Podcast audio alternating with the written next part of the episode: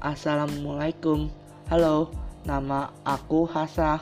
Aku sekarang kelas 7 di Sekolah Bening Bogor.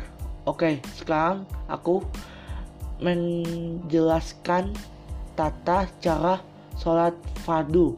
Pertama, tama kita mengucapkan niat contohnya niat sholat maghrib usul li fardohu maghrib bi. Sholat sah rak atain mustakbil kiblat adaan lillahi ta'ala.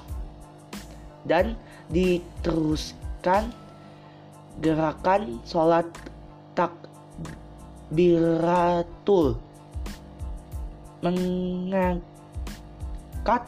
kedua tangan dengan jari terbuka rapat dan mengangkatnya sampai selebar bahu atau kedua telinga. Kemudian mengucapkan takbir Allahu Akbar. Oke, cukup dulu. Wassalamualaikum.